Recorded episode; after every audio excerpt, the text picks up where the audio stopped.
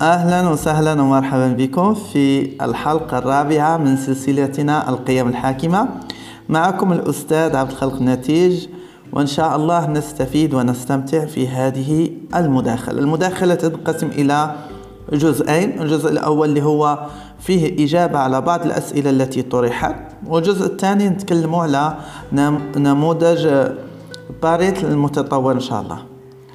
إذا الأسئلة التي طرحت كلها يعني حول هذا المعنى اللي هو أهمية معرفة القيم وهل لمعرفة القيم دور في تحقيق الأهداف؟ ثم ما هي القيم التي يجب أن يحصلها الشخص لينجح؟ ثم غرس القيم بالنسبة للأطفال وإمكانية تغيير القيم.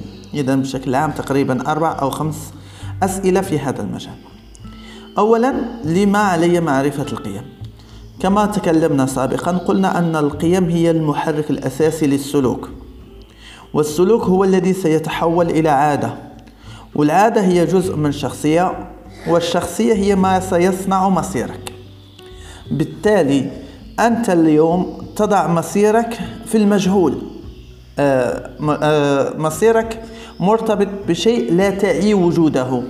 لأن معظم الناس غير واعية بالقيم التي تقودهم أو غير واعين بالقيم التي تقودهم. وهنا نتكلم على القيم الحاكمة يعني خمس أعلى قيم رئيسية. وبالتالي إذا لم تكن تعرف القيم فأنت لا تعرف الدوافع التي تؤدي إلى السلوك الذي سيتحول إلى عادة والذي سيصنع الشخصية وبالتالي سيصنع مصيرك. بالتالي معرفة القيم هي شيء جوهري وأساسي للنجاح. ودورك أنك تخرج هذه القيم من المجال اللاوعي إلى مجال الوعي وتسلط عليها ضوء الوعي لتعرف من هذه القيم.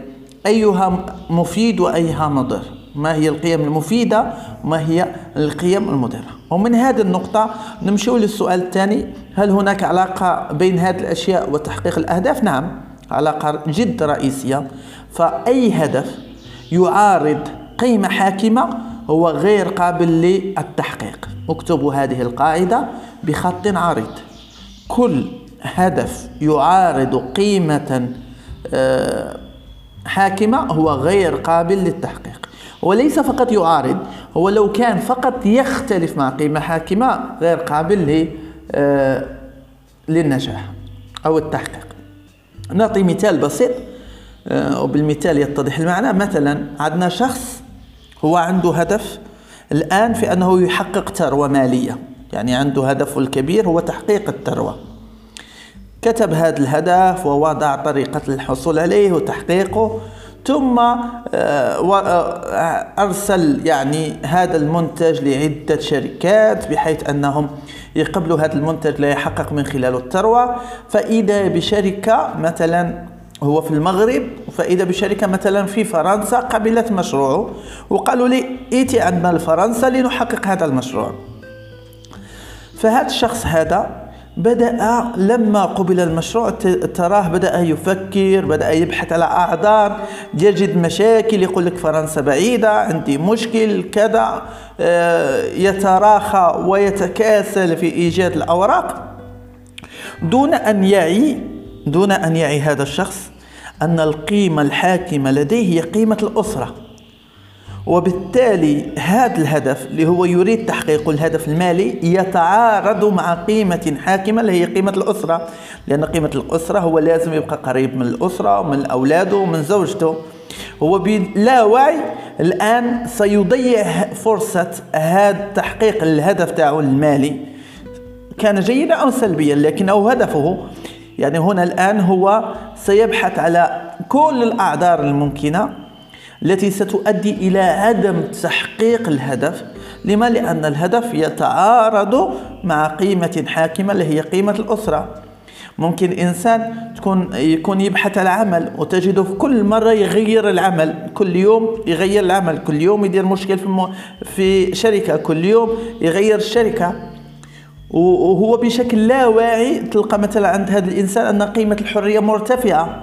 إذا كانت قيمة الحرية عندك مرتفعة بشكل لا واعي في أي مكان فيه قوانين معايير آه، فيه لوائح إلا وستجد رأسك أو نفسك في صدام مع النظام. اذا بعض المرات راح نديروا عديد من السلوكيات العديد من العادات والشخصية تاعنا تتأثر بالقيم وحنا غير عارفين أو غير عالمين أو غير واعين بالقيم التي تحركنا. وبالتالي كل هدف يتعارض مع قيمة حاكمه القيمة الحاكمة هي التي تفوز دائما. ما هي القيم التي يجب أن يحوزها الشخص لينجح؟ والله هذه القيم هي تختلف من شخص لشخص. ومن مرحلة لمرحلة. ومن مجال لمجال لو تذكرتم في الحلقة الأولى والثانية تكلمنا على نسبية القيم. فلا بد أن الإنسان يكون يعي القيم التي تحركه ويستعمل القيم الصحيحة في الموضع الصحيح. يعني مثلا تجد الإنسان في العشرينات تلقى عنده القيمة الحاكمة مثلا هي الحرية. يوصل مثلا للثلاثينات تصبح عنده القيمة الحاكمة هي الأسرة. يوصل مثلا للخمسينات تصبح عنده القيمة الحاكمة هي العطاء. بالتالي فالقيمة الحاكمة تختلف من سن لسن ومن ومن مجال لمجال. القيمة الحاكمة في آه، في الشركة التي أعمل فيها هي مثلا الحرفية.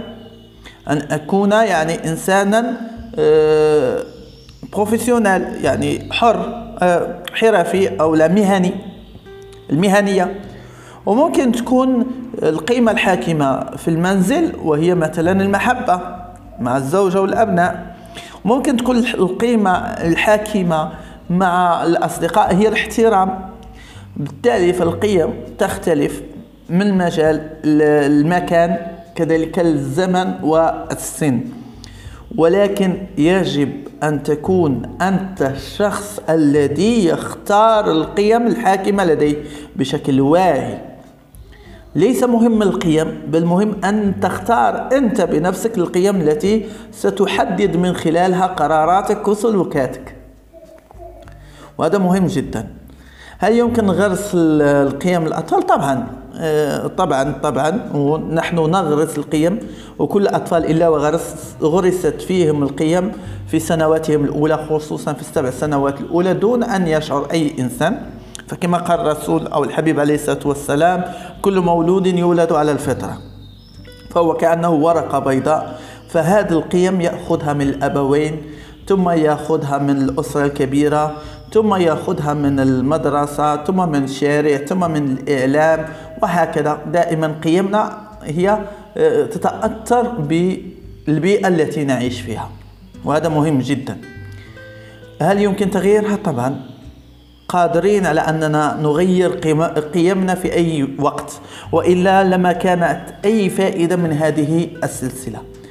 لكن لكي تغيرها لازم أن تعي بوجودها. لا يمكن تغيير ما لا نعي وجوده.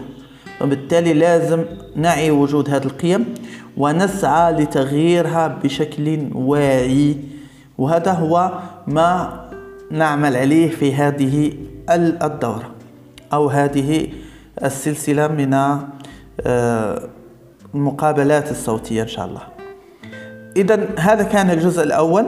الجزء الثاني إن شاء الله نتكلم على نموذج ريتشارد باريت.